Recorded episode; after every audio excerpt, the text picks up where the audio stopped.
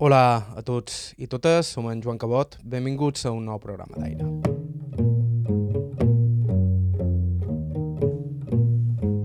L'abril de 1999, la premsa local en parlava gairebé cada dia. Un jove director mallorquí havia aconseguit reunir a Lauren Bacall, Harvey Keitel i Sadie Frost a la possessió de Rasha per rodar la que seria la seva primera pel·lícula, Presences of Mind, que aquí es diria El Celo. En aquells temps, tenia figures de Hollywood per l'illa no era tan comú com ho és avui dia. Aquell va ser un rodatge increïblement ambiciós per l'època i darrere d'aquell projecte hi havia un creador amb certa aura de maleït, que des de llavors es va apartar de la primera línia per causes de salut, però que forma part, per dret propi, de la història del cinema i yanqui espanyol. Antoni Eloi havia nascut el 1969 a Santa Margalida i diu que des de ben petit tenia clar que volia ser director de cinema. Va anar a l'escola de cinema als Estats Units i va tornar decidit a rodar a la seva illa natal el guió que duia sota el braç, una adaptació pròpia d'una de les novel·les més conegudes de Henry James. Atreviment mai no li ha faltat. Avui coneixerem la seva història. Estau escoltant Aire a IB3 Ràdio, vos parla Joan Cabot. Començam.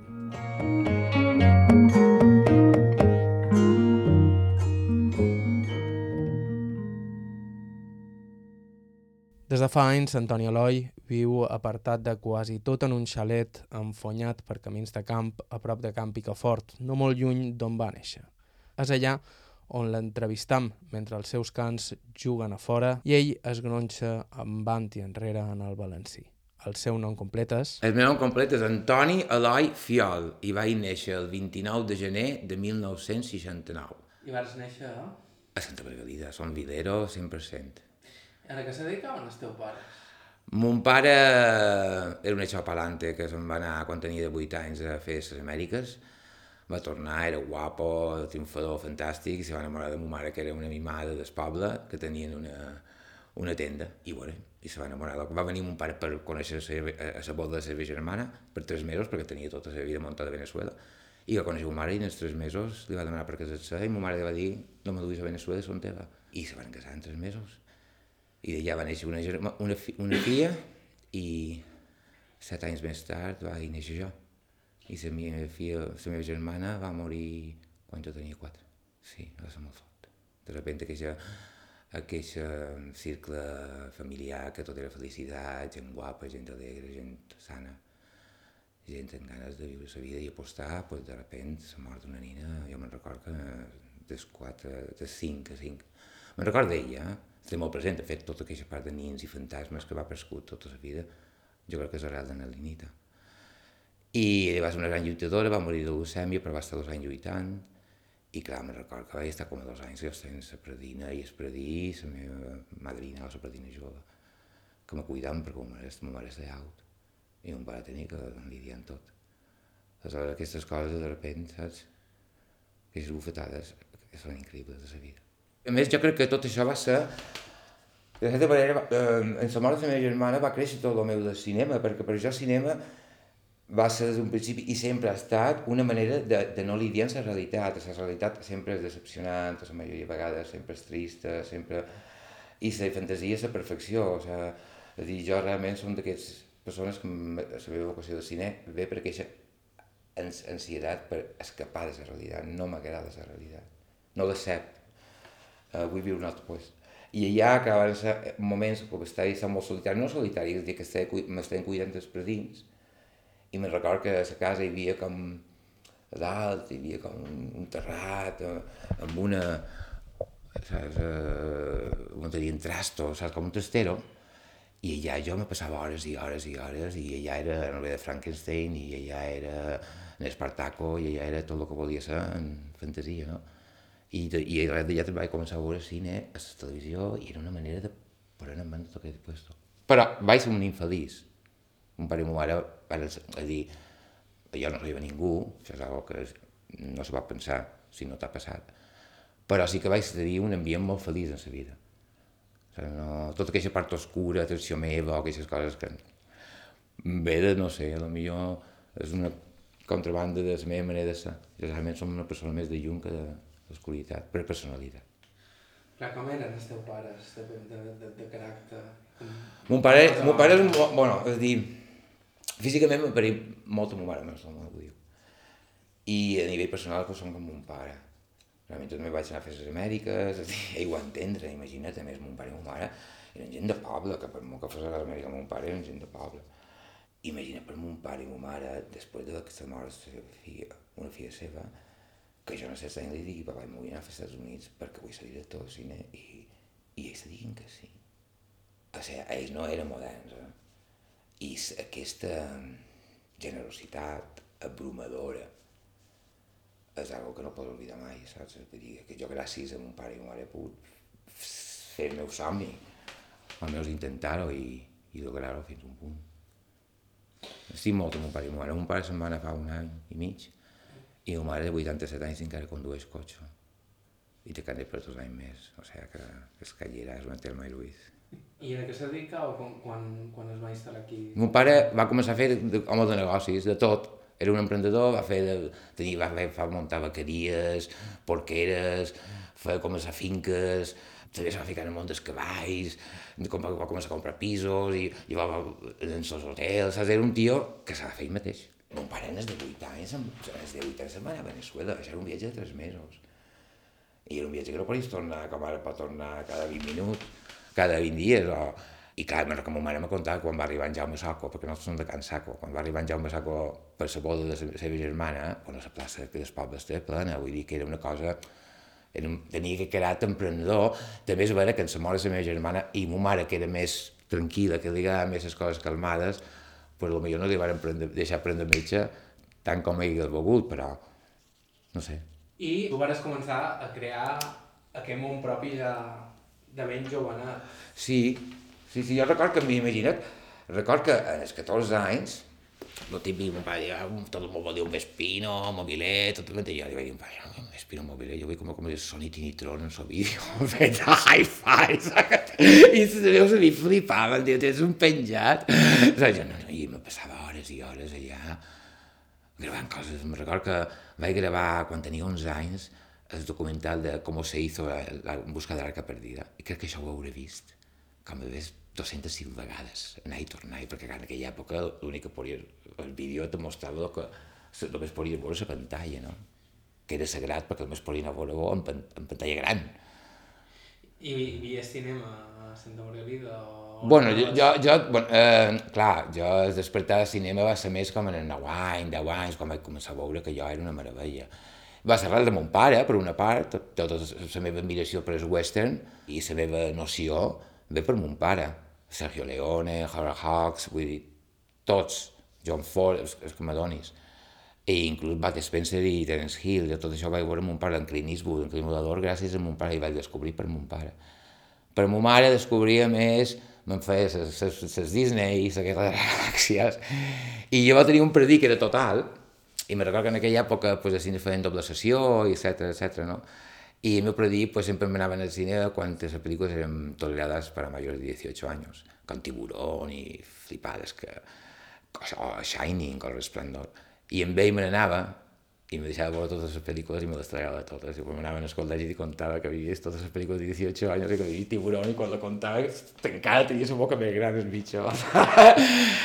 I, i, i llavors, que és que, diria Agustí Ironga, no? la teva vocació de cine és com una motxilla que dus darrere. I neixes així. Com, supos que és com una vocació d'un atleta, no sé.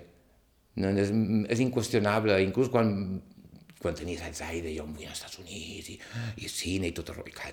És que ni qüestionava que això no era possible. O sigui, era, una, era com una missió, saps? Igual que quan va passar a l'hora de fer la pel·lícula.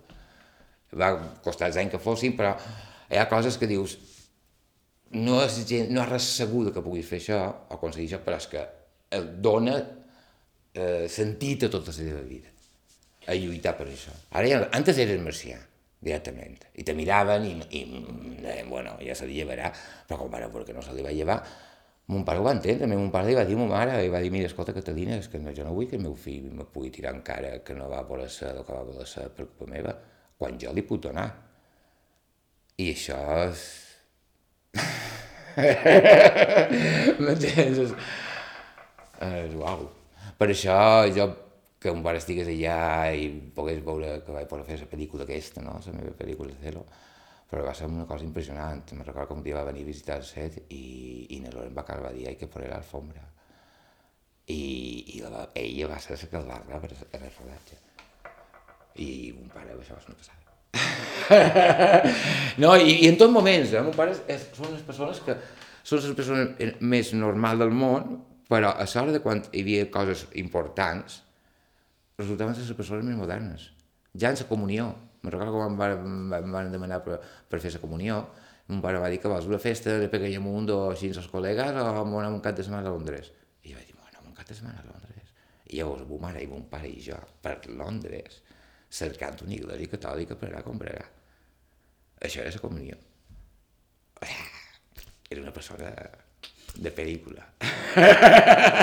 no, això no ho fa la gent. Saps? Supos que tenia que veure el fet de que hagués sortit i que hagués estat a Venezuela. Jo supos que sí, clar, que això cosa va, va dir, Déu meu, això sí que li ha quedat, perquè que l'altre dia m'han contat, m'han contat l'altre dia, que quan vaig néixer, com la meva germana va néixer, perdona, un pare deia, oh, no n'hi ha un altre, no n'hi ha un altre, perquè un pare tenia moltes ganes de tenir un fill.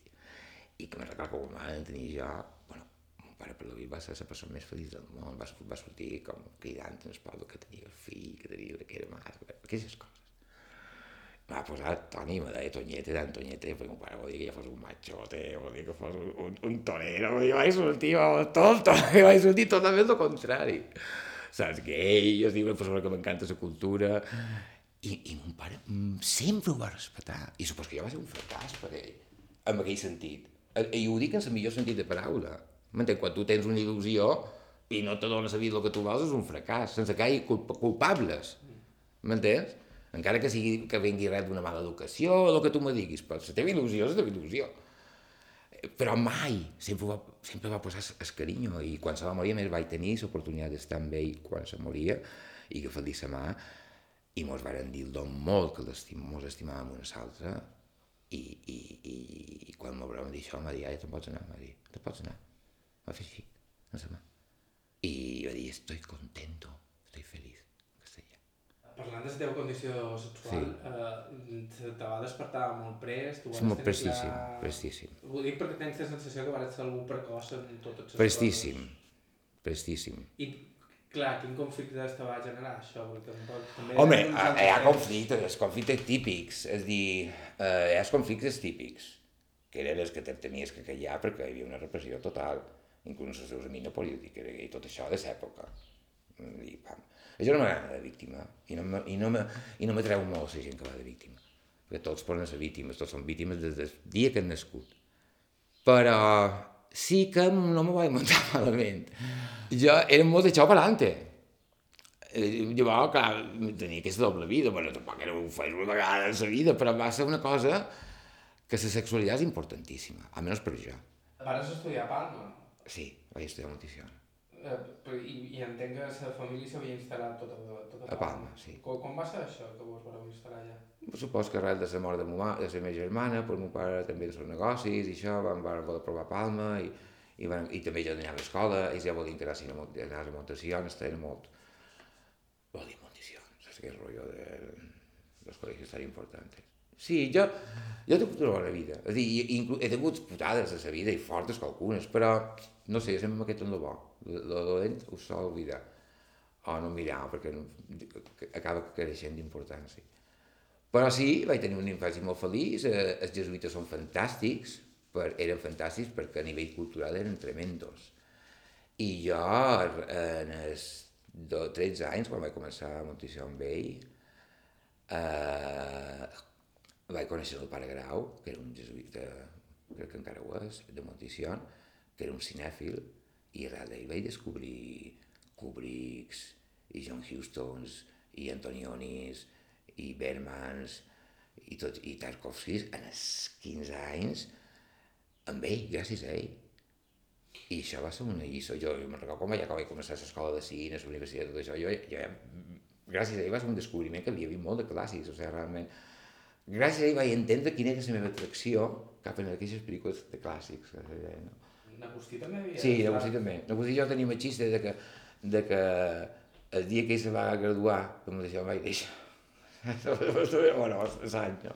Pot ser que ell també coincidís amb el pare Grau? Sí, sí, sí. De fet, bueno, de fet el pare Grau me'l va presentar.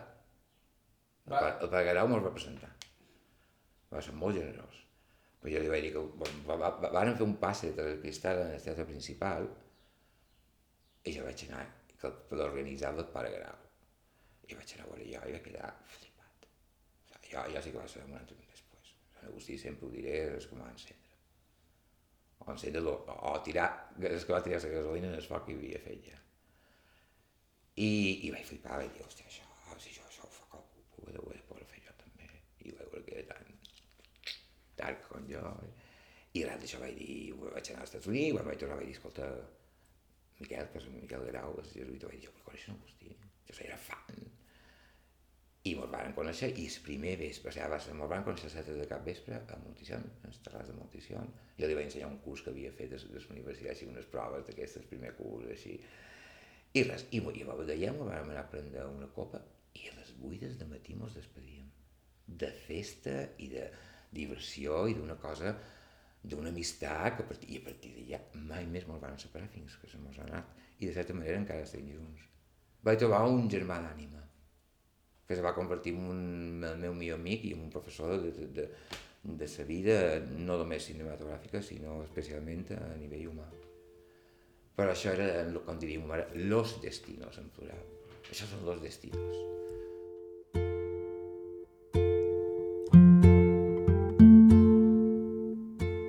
Probablement era inevitable que el destí d'Antoni Eloi i el d'Agustí Villaronga es creuessin, però parlant de destins, Eloi tenia ben clar quin havia de ser el seu i que havia de passar per força pels Estats Units. El darrer any de COU, el que era COU, el darrer any, vaig anar a fer als Estats Units, perquè volia aprendre anglès, la cultura, tot el rotllo. Jo volia anar a Nova York, volia anar a Nova York, i no sé per què pensava que era més cool, o que sé que Los Angeles, o el que fos. I llavors eh, vaig veure que no podia entrar per el nivell d'inglès que tenia, tal i, i vaig dir, vaig, vaig dir, bueno, miraré, eh, vaig anar a Boston a estudiar Humanitats. I vaig estar mig any estudiant Humanitats de la Western University de, de, de Boston i vaig estar sis mesos i després vaig aplicar a la Universitat de Los Angeles de Cine, la Columbia University, la Columbia College, perdona. I allà vaig anar i va ser allà l'intercanvi. Les coses de cine o d'art o, o belles arts, realment el que importa és l'intercanvi cultural i, i, l'inquietud que hi ha artística de creació entre la gent que te trobes. No? Tot l'altre tu vas aprenent tu mateix, tu veus les pel·lícules que t'interessen, tu llegeixes els llibres, t'ensenyen les quatre coses, però el que t'ensenyen, si, si realment és el que vols, entra fàcil, saps? És, és lògica, no? Però el que, lo que te fa engrandir com a, com a persona, sí, i créixer, aquesta, aquesta trobada amb gent que té les meves inquiet, mateixes inquietuds que tu. I a Los Ángeles, clar, era total, era com un Ellen de Silhamet, una inversió de cine, allò era, m'entens, era com aprendre dins la boca del llop, no? A Los Ángeles van ser del 89 al 94, i llavors del 94 al 99 anar i tornar. Em passava temporades a Espanya i temporades allà. Jo no puc concebir que la meva vida sense Los Ángeles, sense Hollywood, jo vivia a Hollywood. I ja vaig, vaig uf, experimentar tot, vull dir, era més estret, ja tot sol i, i un increïble. Coneixia gent per tot el món i clar, era la indústria i Los Ángeles, pues, estava fantàstic, vull dir, vaig disfrutar, estava bruta, com sempre, era preciosa, era decadent, i estava ple de cine. Hollywood és com Mallorca en, en el turisme. Allà tenen indústria, aquí ha indústria. Allà sí, allà veus que ja hi portat el bacalao, però com aquí és turisme, vull dir, aquí nosaltres, vamos, som l'exemple mundial del turisme. I a, a Hollywood, pues, ho és el cine. Ho vaig trobar molt, tot era molt natural. Jo, jo te dic, o sea, eh, és com quan t'he dit antes que quan vaig decidir que volia fer cine, volia anar als Estats Units. Mai, mai va entrar eh, la situació en què jo dubtàs o digués, hòstia, a mi això no passa. No, no, era inconcebible. Aleshores, també va ser com a... Entrar amb tantes ganes que tot m'alimentava i tenia una, unes, unes ganes immenses d'interès i, de, i de coneixement i d'intercanvi, no només artístic, sinó també per a nivell personal, que tu, tu creixes, eh, jo pues, estic empecem plena en l'època de, de, de, de, de, de, de tu mateix, on se fa fins als 30, no? Digués, o no sé, en aquella època, o, no sé. I va ser fabulós. Però sempre sabia que mai volia quedar a viure allà. Hi havia molt d'amics meus, clar, coneixia gent molt estrangera que, volien ser green card, i volien quedar-se a currar aquí, volien... Jo mai jo volia aprofitar els contactes, perquè cada, després de la universitat pues, venien els contactes, que tu feies feina amb rodatges, i ja, i coneixies distribuïdors i productors, i oh, tinc una idea, hagamos-la, i així va ser tot, així va créixer tot. Però no volia viure allà, jo volia tornar, i volia tornar i anar i tornar, no? mantenir meus contactes, però la qualitat de vida a Mallorca, jo som el mallorquí. De fet, jo només faria pel·lícules a Mallorca. El que passa que no t'ho posen fàcil t'ho posen bastant difícil. Però eh, t'ho promet, Mallorca té històries fantàstiques i, tot, i ara estic en tres històries eh, que farem qualque dia, una d'elles mm, l'any que ve, i totes passen a, a, a les Balears, dues a Mallorca i una a Eivissa, una sèrie i dos llargmetratges. Encara estic en, en, que, en que aquí és un, un lloc ideal, però clar, pues és, no ajuda massa.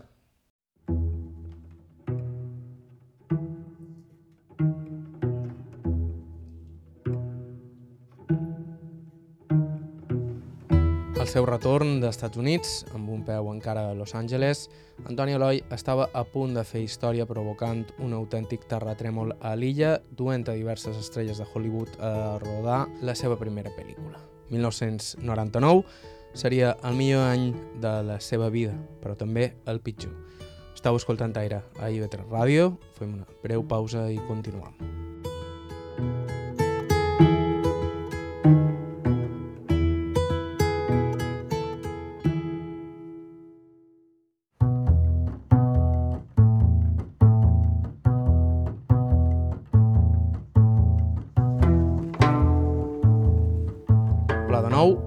Cabot i estàu escoltant d'aire, avui amb un protagonista un poc fora de l'habitual, el director de cinema i guionista Antoni Oloi.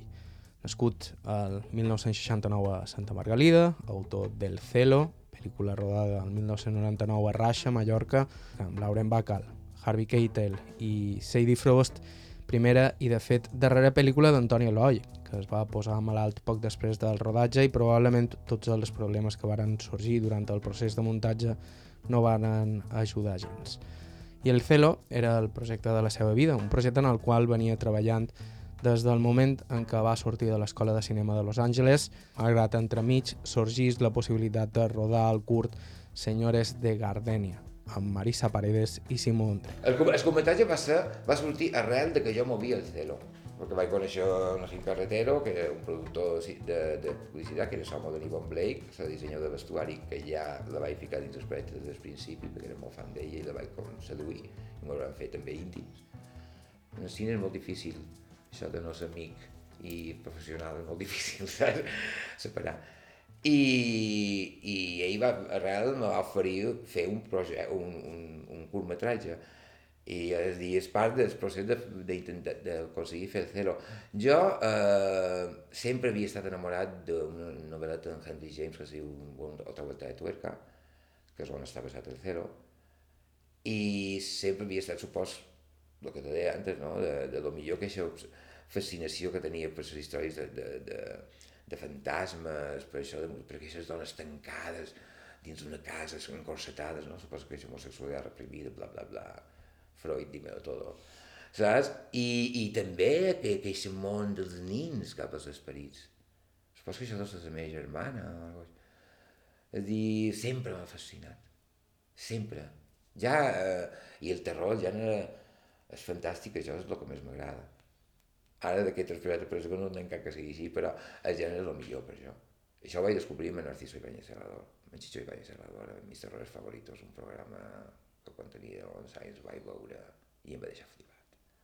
I vaig veure totes les obres mestres que em podia veure a una edat que t'afecten. Tu veure la senyal del Diablo de Polanski quan tens 11 anys, a veure el fotògrafo del pànico quan tens 11 anys, a veure quin puede matar un niño quan tens 11 anys, flipes. saps? És perquè és molt més sensible. I allà és quan realment les coses se te queden. I en el temps digereixes. Ja. Les meves pel·lícules preferides, jo ja ho eren quasi als 11 anys, alguna m'he vist en el camí, però jo recordo quan vaig veure Shining no vaig entendre res, però m'encantava.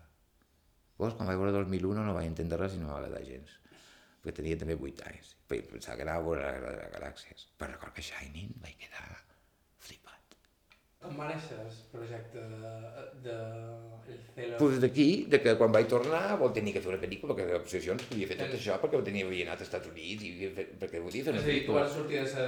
Sí, vaig, i vaig començar a cercar que tenia que fer una pel·lícula. I cercant, cercant, vaig tornar a agafar un... Vaig trobar una edició d'Anaya, d'aquestes, de, de clàssicos d'Anaya, que estan reescrits per adolescents, que tenien il·lustrats, amb il·lustració, i de la gota de turca de Henry James. I era un llibre que havia llegit, que subratllat, el tenia subratllat en colors. I el vaig tornar a llegir i vaig dir, hòstia, això és preciós.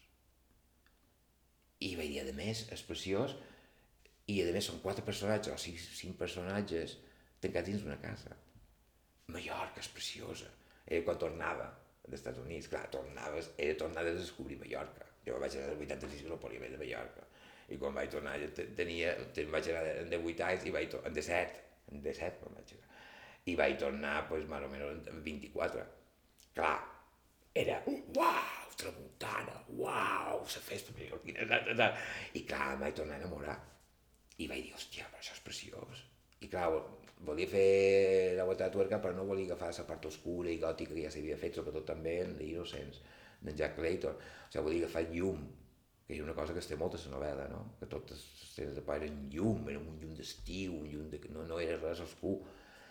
I també trobava que, que l'atmosfera i la geografia era d'un un punt molt original i diferent a lo ja acostumat a les pel·lícules gòtiques. I, i allò va ser, va ser la il·luminació de Sant Juan. en aquell moment va marcar la meva vida. I vaig dir, tate, esto. I a partir d'allà pues, va passar, bueno, tot el món, Marisa Paredes, Natilda Swinton, Irene Papas, eh, també volia anar a Barbara Steele, perquè feia de, de, de, de, de fantasma, Nigui Pop, coses d'aquestes, però m'anàvem a veure, la, la Irene Papas la van aconseguir, i la Marisa també, i la Marisa bueno, va fer íntims, que ells dos tenien que fer els personatges de Lauren Bacall. I Natilda Swinton la vaig conèixer que va ser impressionant, perquè jo era fan, fan d'ella, jo vaig escriure quasi guió per ella, i la vaig conèixer. I vam estar eh, una setmana com a Londres fent feina, que a més el dia que la vaig conèixer, la vaig conèixer amb en John Berger, que vaig flipar, l'escriptor, que ja va ser com a, Dios mío, què és esto? I ella va dir que no, perquè havia estat eh, dos anys cuidant en Derek Jarman, el cineasta que es va morir de la sida, que ella, ella era la seva musa, i que volia, havia estat molt cansat amb Orlando i tot això, i que volia tenir un fill. I que quan no, no hi havia ni fetges, ni res, ni dates de rodatge, pues va dir que no... Va dir un parell de coses molt maques, i per això va ser com... Saps? I, i, bueno, i així seguir, i seguir, i va, vaig tornar aquí, i, i jo no sortia, i bueno, vaig enviar més que demà descobrien en, en Blai Bonet, jo vaig flipar, enviar-me m'ha tractat d'hereja perquè no, no sabia qui era en Blai Bonet i vaig veure allí Gilmar i va dir Blai, Blai, ja tenim que fer això vam xerrar, vaig, vam presentar en Blai Bonet, vam disfrutar, ens vam dur superbé, va ser una bona imagina't, era com conèixer un genio, no? I era molt, una persona molt fàcil. I, i vàrem, no vàrem casar amb això, en l'època que anava i tornava, pues, amb mà, jo vaig fer una pel·lícula de terror, jo era com, com la malaltia d'aquest ésser. I va aparèixer en Agustí acció i em va dir, bueno, ja mos coneixien Agustí de, de, del 92. I em va dir, mira, tio, jo vull veure, això ho he contat un parell de vegades, jo vull mà, i vull que me deixis mà, perquè sempre el que volgut fer tota la meva vida. I jo no, feia quatre anys que mos coneixíem i jo no havia contat mai això. I li vaig dir, tio, clar, tu, tu jo, però si no he fet res, no havia fet ni escurt. Jo soy un palante, eh? Hi ha molta gent que diu que deu pensar quin se creix, té Henry James, Blai Bonet, però jo, quan t'enamores, jo no demano permís, tio. Saps què t'he dit? Que ja si m'enamoro d'una cosa que puc tenir, saps? No, home, Agustí ja de dir, tio. No, Agustí no, no, no, no, més m'encantaria fer feina amb tu. Junts havíem enviat Mesquida i enviar, enviar el... Agustí i jo vam escriure el guió. que va ser molt divertit, també va ser una experiència bastant I, i, I després, quasi de rebot, vas fer curts. I després vaig, o sigui, vaig fer Skull, que va anar molt bé, vaig fer amb en Simón Andreu i la Marisa Paredes. Era un homenatge en en, en Luis Buñuel en tot el meu cor, i va anar molt bé, la veritat. Eh, vàrem anar... bueno, al principi no me'l volien ni Carabanchel perquè pensaven que, que, que eren com a, el, el consideraven com a ofensiu. Però vàrem anar a Cremont-Ferrand, que és com el cant dels, dels curtmetratges, i me'l van donar el premi més important, que era el, Premi Internacional de Canal Plus. I ja el van vendre per tot el món que tenien Canal Plus afiliats. I va anar molt bé. I llavors després, pues, ja, de, tot després d'això, pues, va fer, va, mentre eh, eh, negoci estava localitzant, per, per el mà, estava fent de fantasma meu, ja vaig, ja vaig entrar en el rodatge, de repente un bon dia vaig, vaig rebre una cridada dels Estats Units que em van dir, escolta, hem trobat una productora fent la pel·lícula, pam! I venim tots d'aquí dos mesos. I en aquests dos mesos pues, em van cridar, van dir, escolta, que en Harry Cattell, Keita s'ha llegit el guió li encanta, escolta, que no l'hem vacat, s'ha llegit el guió i li encanta i que te vol conèixer, i vinga cap a Los Angeles. I a partir ja va entrar en la voràgina aquesta de fer la pel·lícula. I va ser, home, supos que és la millor època de la meva vida. És, és, és el gran moment de la meva vida. O un d'ells, no? Tot aquell any, perquè va ser un any de pujades i de baixades.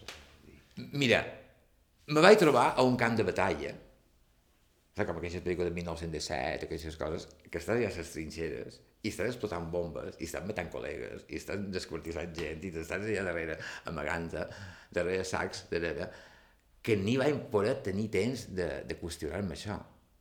És a dir, era com, me dejé llevar, o sea, yo me dejé llevar por, por la marea, aquella ona gigant que me'l va dur tots, i jo, jo duia un estandard, perquè el director és que dus estandard. No? És que, ah, vamos, és com les pel·lícules del Monty Python, que els disparen i aquell estandard mai cau, no? I tens aquí darrere que te segueix. Però un, un realment només dus estandard que es, i, i, i, i coordina un poc, però és el que dus eh, se, se flama encesa. Si és un director cau o, no, o deixa de creure en el projecte, tot, tot se desinfla, tot. Almenys en el meu cas. I en el cas que, que conec. I clar, i era tal voràgin perquè era rodar a, un, a, a, a, a, la meva terra, aquell somni que era quasi dificilíssim d'aconseguir. Rodar en els meus amics. Rodar en la gent que jo mirava i havia aconseguit i que m'havia convertit en una gran amistat. És a dir, Nivon Blake, Agustí, gent rodar en primerissos com jo o amb David Carretero, que, que era la primera pel·lícula de, de fotografia, i la fotografia de Cero és espectacular. Fa 3 o 4 mesos la varen passar per Sitges i estem en Civit, eh, en Josep Maria Civit, el director de fotografia, i va quedar, vamos, flipar. Encara se manté, i m'agrada una pel·lícula que super, queda superactual. No sé si perquè té un punt clàssic i això ajuda. Aleshores, clar, els meus amics de, de, de Gestres, en Fernando Estrella per allà, saps? Tota, tota aquesta cosa, clar, era molt... I llavors tenir els grans maestros, com en Bacar, com en Harvey Keitel, és dir, bueno, que com en, el muntador, que eren gens amb Oscars i, i, i, i aquella relació de los primerizos en los los professionals, però com la copa d'un pino, aquesta combinació, il·lusió i nada és impossible i el tinc una base sòlida, però encara no he mort d'il·lusió, perquè a vegades molt de temps és molt fàcil que se te cremis. Aquella cosa va ser el que va ser el projecte, perquè el projecte està maleït des del principi a nivell financer. Se va, se va finançar molt malament, la productora en, en postproducció se va donar, se van donar compte de que tot era un bluff, no hi havia B, la companyia de segurs va tenir que ficar-se, bé, va ser un desastre. Y yo, gracias al cerezo, que també se pasando, orbitando por ahí siempre, vaig poder aconseguir fer la meva versió. Això va ser una pesadilla terrorífica. I te promet que va ser la batalla de Midway. I, i bueno, va ser tan fort que vaig malaltir. malaltir. I ja sabia que va, va, va, va, la meva vida va fer pataplam. Tot en un any. Tot en un any. El 99 va ser molt tremendo. Com va ser contactar amb el Lauren Bacall, eh, amb en Harry Keitel, Ai, sé, sí. Frost... bueno, jo t'he dit, tot, tot era com, tot, perquè era com, aleshores no tenies temps de, de païbo. Va ser fascinant i va ser divertidíssim i va ser molt bo tot, en tant a nivell de personal com a nivell de, de, de, de, de, de com a persona, no? En Harvey Keitel, tot era gent molt accessible, sempre m'han tratat com que jo era director, sempre me van, antes de dir que sí, me van cada un, en Harvey me va, me va demanar una pregunta, per què jo el volia ell, o per què ell, jo pensava que ell era l'ideal per al personatge seu. I jo li vaig contestar perquè pensava que, que era un tio el més sexy.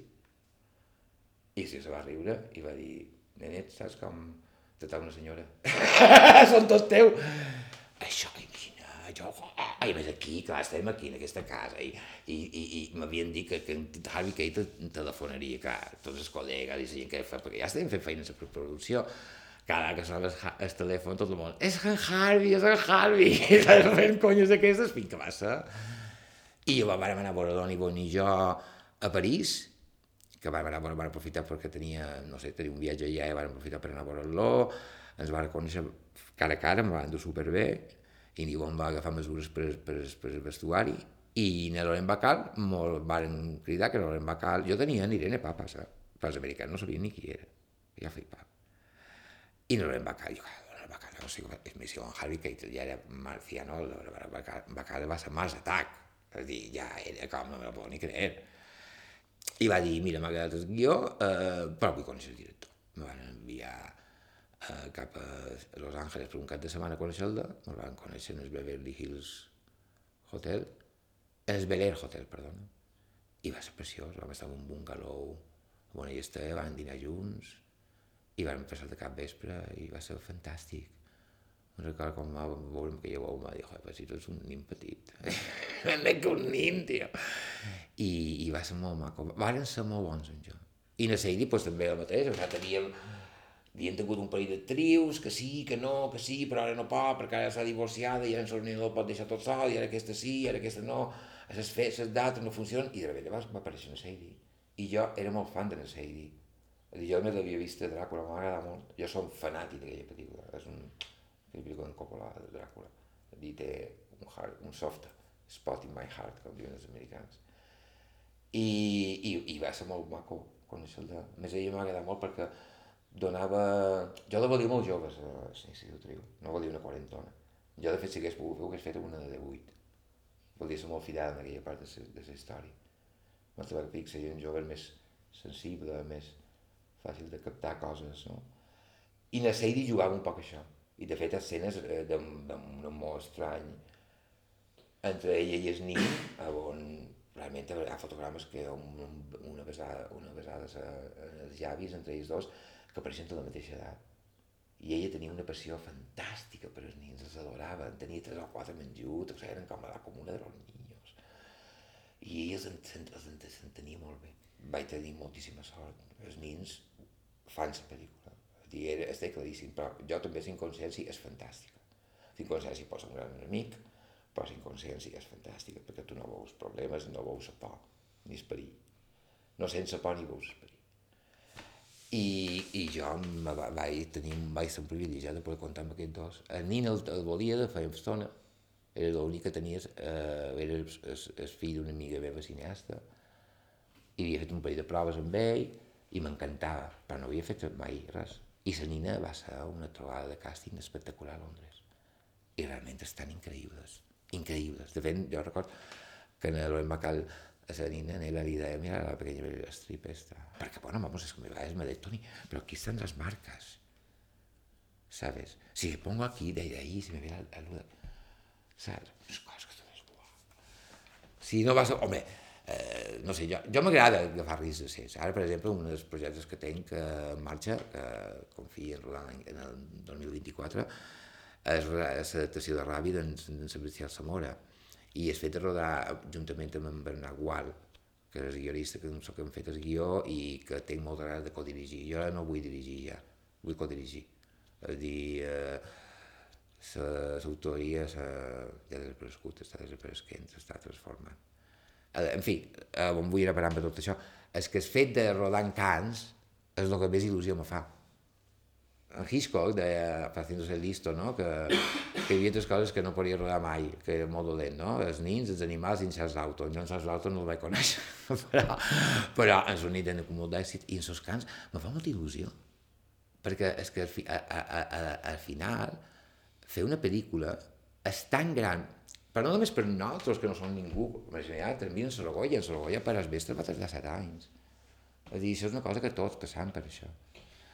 De fet, tu ho has comentat, el procés post-filmació va ser tan esgotador i tan... Sí, va ser terrible, a més, va ser terrible perquè em van posar en una institució molt difícil, on de repent eh, ser companyia de seguros té que eh, poder-se de la pel·lícula i acabar-la perquè els productors han demostrat que no tenien els dobbers que havien promesos, aleshores era una situació terrible, perquè havia un senyor insensible, que jo estic convençut que, que feien càsting perquè fossin insensibles, i bueno, ja li podíem muntar la paia number one que volguessis, que si valia un euro més del que ells podien fer-ho sense això, no t'ho feien.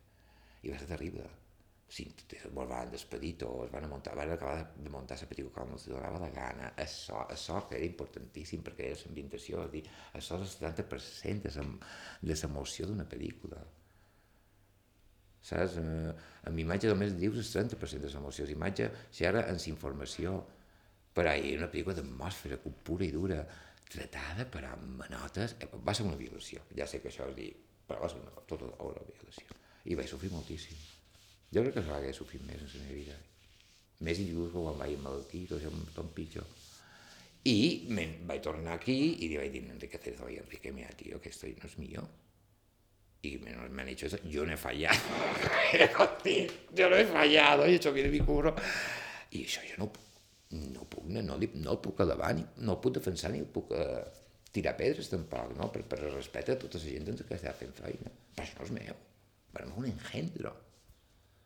I clar, que gent engendro la van vendre mal venuda perquè estava mal feta i va acabar en DVD i tot això, i clar, en Cerezo ja veia que és el nostre, ja seria una pel·lícula maleïda i estigmatitzada des d'un principi, perquè se tenia molt més tard del que se va rodar, ja no se podia eh, eh, estrenar a altres eh, països on ja tenien aquesta nova versió contractada, que ja havia anat, i ell va apostar, va dir que necessites per fer tota la teva. I jo vaig dir això, això, això, això. I va, van tornar, vaig poder remuntar la pel·lícula, van fer una banda sonora, una banda sonora d'efectes sols com Déu mana, Déu mana, i van comptar en Ángel Larramendis per la banda sonora que el van agafar il·luminat. És dir, mm, és una, obra, és una banda sonora espectacular. De fet, a Radio 3 li va dedicar dos programes i va dir que era una de les millors bandes sonores que s'havia fet a, a, a història d'Espanya perquè és espectacular. Va ser una cosa, o sigui, sabies això? Tot Jo t'ho treuen. I jo t'ho tornen a donar. I és una cosa tot, però és això a més, en el meu cas. I, i supos que cada un és molt intens, jo som una persona, no soc una persona intensa, però soc una persona molt apassionada, i clar, i, i supos que quan apostes per una cosa molt forta, el contrari també és molt fort, no? Diguéssim, la baixada és també és igual de forta, no? Quan més puges, més baixes. Hi ha molta gent que dirà que no has fet res més després de... No he fet res més. Bueno, no he fet res sí, més. Sí, sí he fet, coses, però fet, no he tornat a fer un llargmetratge. No has tornat a fer un llarg, però sí que has fet coses. Sí, sí. Coses petites, sí. I coses interessantíssimes. I és ara dirà, mira, este que se crea per Alvara, perquè... Sobretot perquè perquè vaig fer, sempre he tingut la sort de fer feina amb gent superbona. És a dir, per exemple, he pogut fer feina amb Alfredo Arias, amb Eva Steiro Bertolí, és a dir, gent... Eh, que són molt bona i que marquen i, i que t'estimulen molt, i aleshores els projectes que te donen pues, eren molt interessants. Jo hi tinc molta carinyo a les meves coses, però són com un fills. Aleshores, el que més destacaria, no ho sé, els estima tots. Eh, el que sí veig més, més eh, no sé, més interessant o, és, és la col·laboració que vaig fer amb Alfredo Arias de, terror, de teatre i cinema. Alfredo Arias és un dramaturg argentí que va fer tatuatge eh, i bueno, és com una espècie de dios guru del teatre que viu a, a París i fa òperes a nivell europeu, coses grans. I me va arribar jo perquè ell feia una adaptació de Marranades, una, una novel·la d'Anna Marie Dariussec, dels anys 80 francesa, que és com una espècie de llibre mític, mític, mític de la literatura francesa. I és història d'una prostituta que es converteix en porca. I me va demanar fer això, i, i, i si idea era ell, Alfredo Arias, que feia un, una obra de, de màscares i monòlegs, feia set monòlegs de set personatges cada un, en, de màscares, unes màscares espectaculars, i mentre això passava, pues, anàvem mostrant set moments des darrer dia d'aquesta senyora de deixar de ser dona i convertir-se en porca, no? I em va encarregar fer això. I va ser una experiència espectacular. Vaig quedar amb l'Ai Tomàs, el director de fotografia, i varen contactar en la Pegba, en la Pegba Charro, i varen fer una cosa que, que la veritat està molt bé. Va quedar molt bé, van tenir molt d'èxit. I el que passa que era una cosa pues, un poc eh, que era teatre, tenies que anar a allà, no? no dir, funciona com a curt, mig metratge sí, molt artístic, no? molt de cinema d'autor, però la força era en millor. I na Pepa Charro, la veritat és que bueno, un actiu que te cagues, té, té un potencial aquella dona que els va deixar a tots. Jo me'n recordo que amb Alfredo Arias, que ha dirigit a tot Cristo, des de la Catherine Deneuve fins a Isabel, eh, Isabel Adjani, no, no, Adjani, i que quan va arribar a París eh, se va jonear davant de Pepa amb un rant de fadors, però també li sona bona. Va estar molt content. També, clar, quan un senyor com aquest demana per col·laborar i està content en la feina, va flipar. Ell pensava que, jo pensava que serien quatre coses així de luces i, i li van mostrar realment història d'aquesta dona. Però estic molt content de tot, els videoclips que he fet i, saps? I, i res, i... però jo el que m'agrada és fer cine a dir, el que m'agrada és fer una pel·lícula, és contar, saps? Tot l'altre acabes que te canses i... no sé. Però per lo que comptes, tens sí. projectes entre mans? Sí, tinc projectes entre mans. Sí, jo, mm, el meu, la meva aturada va ser per, per tema de salut. Eh, vaig tenir una infecció molt gran en el cervell que va convertir en epilèptic i no podia aguantar eh, l'estrès que, que conduïa la vida d'un cineasta. I aleshores, clar, el meu pont entre Estats Units i Espanya se va derrumbar perquè ja, per començar, no hi havia cap companyia de seguros que m'asseguraria en cap rodatge. I per això només podia fer coses petites, i encara així. I clar, això ho tenc amb patates. És tremendo. Però, en el 2017, per, per una reacció del meu cos, vaig descobrir que ja no ho era. De fet, me van fer les proves convenients, neurològiques, tacs, ressonàncies, bla, bla, bla, bla, bla, i van descobrir que ja estava clínicament eh, curat. Feia tres anys que no tenia cap atac, i estava pendent medicament, molt de medicament, i jo pensava que era per el medicament i un bon dia vaig al banyo i em vaig ficar una pastilla i em vaig anar, me vaig a sortir i vaig veure que la pastilla havia sortit del meu cos igual en la mateixa capa de pel·lícula, igual que quan havia entrat. En el moment. És com si m'hagués fet tirat una pedra dins un tubo. Paf! Totes les altres, el cos les va agafar un dia salt, un dia darrere salt, un dia fins que eh, és més o menys donar compte, escolta, tio, pastilla que m'estic prenent anticompulsiva, pastilla que me surt directament del cos. T'ho juro, tio. És que no exigeix gens, era això. En la pel·lícula, és que era increïble. I vaig dir, aquí passa alguna perquè més fa un mes que no prenc pastilles i no tinc cap atac. I vaig quedar el meu neuròleg, doctor Vallabriga, meravellós doctor Vallabriga, que l'estimo, Vallabriga, que l'estimo un crebull de son llatza, i em va dir, xaval, això ho havia sentit dir, però mai ho havia vist. I vaig descobrir el poder del cos. El cos té com un coneixement propi. Això diuen que el cervell, l'estómac i el cervell, és que, bueno, vaig veure que tenia una sabidoria, una intel·ligència pròpia tremenda, o sigui, increïble. No ho trobes increïble? És increïble, o sigui, te prens les pastilles i el teu cos fa aquesta sí, aquesta no, i aquesta com a terra. I així, i clar, quan vaig descobrir, el primer que vaig dir, vaig dir, ja puc fer cine. No? Perquè durant aquest temps, per descomptat, vaig seguir intentant fer projectes. Molt d'ells, com més difícils, més m'agradaven. Però sempre passava que tenia tants epilèptics. I era tremendo. Era terrible, i a més era frustrant, no? I aleshores vaig conèixer en Bernat Gual, un guionista i cineasta, mos van endur superbé, de vaig trobar, era com trobar tu compañero de treball, i des d'ençà no, no hem tornat a crear. Hem fet dues adaptacions, tres adaptacions, i ara estem acabant de fer un, desenvolupament d'una sèrie. I m'agrada molt eh, l'intercanvi que tenim, i bueno, tenim moltes ganes de, de fer-ho. Simplement per plaer, realment. Jo tinc 54 anys, jo ja jo no vull una carrera. No m'interessa, jo crec que mai m'ha interessat. L'únic que m'interessa és el cine, perquè tot el que envolta el cine és horrible. És dir, el cine és, és, un, és un mal arte, un arte feo, com deien Godard, perquè depèn de tot ves i de la tonteria. Hi ha molta tonteria que la revolta. Però jo fer cine, jo m'agrada... O sea, jo, l'únic moment on me siento como pez en el agua, com se diuen los castellanos fantásticos, és quan estic dirigint. Jo per això dirigir és una cosa normal. Jo ja no me fico en que pugui fer bé o pugui malament, tingui talent, no tingui talent. No me fico en això. Hi ha gent que li agrada, hi ha gent que no, tots els món som iguals. Però és que és orgànic. No sé, és com... No me fa por. Però sí que ho respecto molt. No m'agrada fer cosetes, que millor... Eh, jo m'estic explicant, eh? no estic dient que el que estic jo fent jo és millor, no m'agrada fer curta, curtmetratges i coses. Això ho faig per als meus amics, per dir-los bon dia, bona nit, però jo cinema és posar-se. I som ambiciós.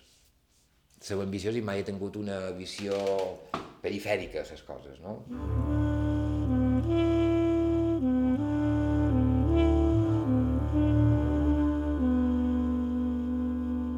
Fins aquí el programa d'avui. Moltíssimes gràcies a Antoni Eloi pel seu temps i amabilitat i moltíssimes gràcies a Paco Mulet pel contacte i a Begoña Méndez pels suggeriments.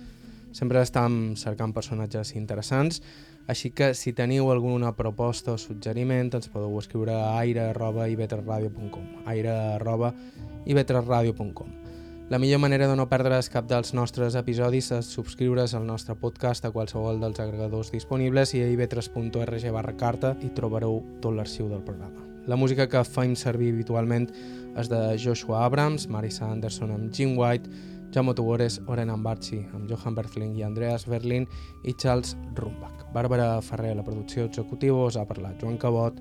Gràcies per ser a l'altre costat i fins la setmana que ve. Música